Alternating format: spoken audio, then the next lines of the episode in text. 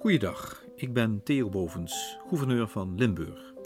U luistert naar de podcast Dichtbij, mijn audiobrief aan alle Limburgers in deze coronatijden. Zondag 5 april 2020. Hosanna. Dagelijks kijk ik uit naar de cijfers van het RIVM. Is er al sprake van afvlakking van de curve of groepsimmuniteit? Begrippen waar ik een maand geleden niets van zou begrijpen. En alle deskundigen zeggen ons dat we ook dan niet te vroeg moeten juichen.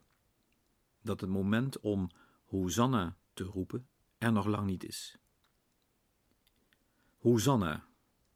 Het woord doet mij denken aan de viering van Palmpasen.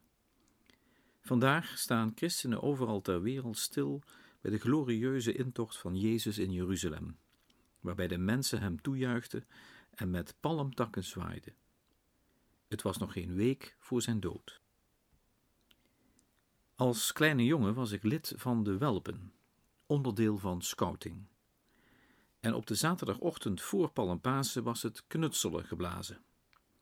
Ik werd geacht een Palmpasenstok te maken. Gelukkig was het basiskruis al door de staf gemaakt. Aan ons de taak om dit te versieren met zelfgemaakte rozetten van kreppapier, een omspanning met vliegertouw aan te brengen en daaraan mandarijnen, pinda's en snoep te bevestigen.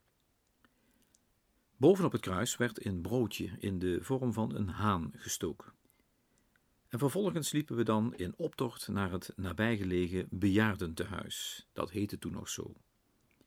En daar werden we één voor één een kamer ingeduwd, waar zich een wildvreemde bewoonster bevond aan wie je de stok mocht overhandigen. Ik was te verlegen om een gesprek te voeren, maar ik denk dat ik nog alstublieft mevrouw heb gezegd, en zij dan enthousiast knikkend dank je wel antwoordde. Met gekleurde handen, want het kreppapier had natuurlijk afgegeven, rende de horde welpen weer naar buiten.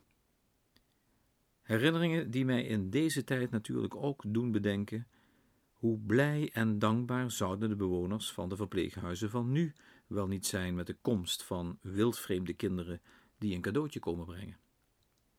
En hoezeer zou die oude traditie juist nu welkom zijn geweest. Maar helaas, dit jaar niet mogelijk. Net zoals vandaag het moeilijker was om aan een palmtakje te komen. Ook die traditie ken ik al van kinds af aan.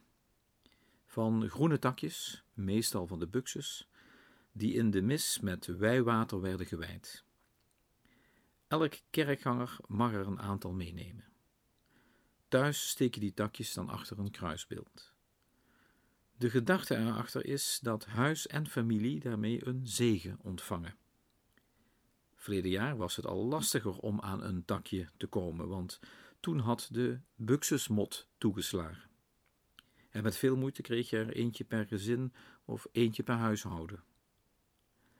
En dit jaar zorgt corona voor een verbod om missen bij te wonen. Maar gelukkig zijn gelovigen en pastoors creatief. Aan menige kerkdeur stonden vandaag de manden gereed, of zijn takjes bij de pastorieën af te halen. Want laten we eerlijk zijn, kunnen we juist nu niet in elk huis wat extra zegen gebruiken? Of je nu gelovig bent of niet, als je ziek bent, dan zoek je hulp, steun en kracht. Of dat nu is in de vorm van een symbool als een kaars, een hartje of een duim omhoog. Of het is in de vorm van steun van je naaste, je familie of vrienden. Of het is in de vorm van religieuze rituelen of kracht die je van hierboven ervaart. Belangrijk is het om die steun te vragen en om open te staan om die te ontvangen. Want ook het ontvangen van hulp vergt moed. Dat hoor ik wel uit de vele verhalen van de gelukkig zeer velen die inmiddels het coronavirus hebben overwonnen. Dames en heren, zorg goed voor elkaar en daarmee voor uzelf zoals wij in Limburg gewoon zijn, op zondagen en op alle dagen van de week. Tot morgen.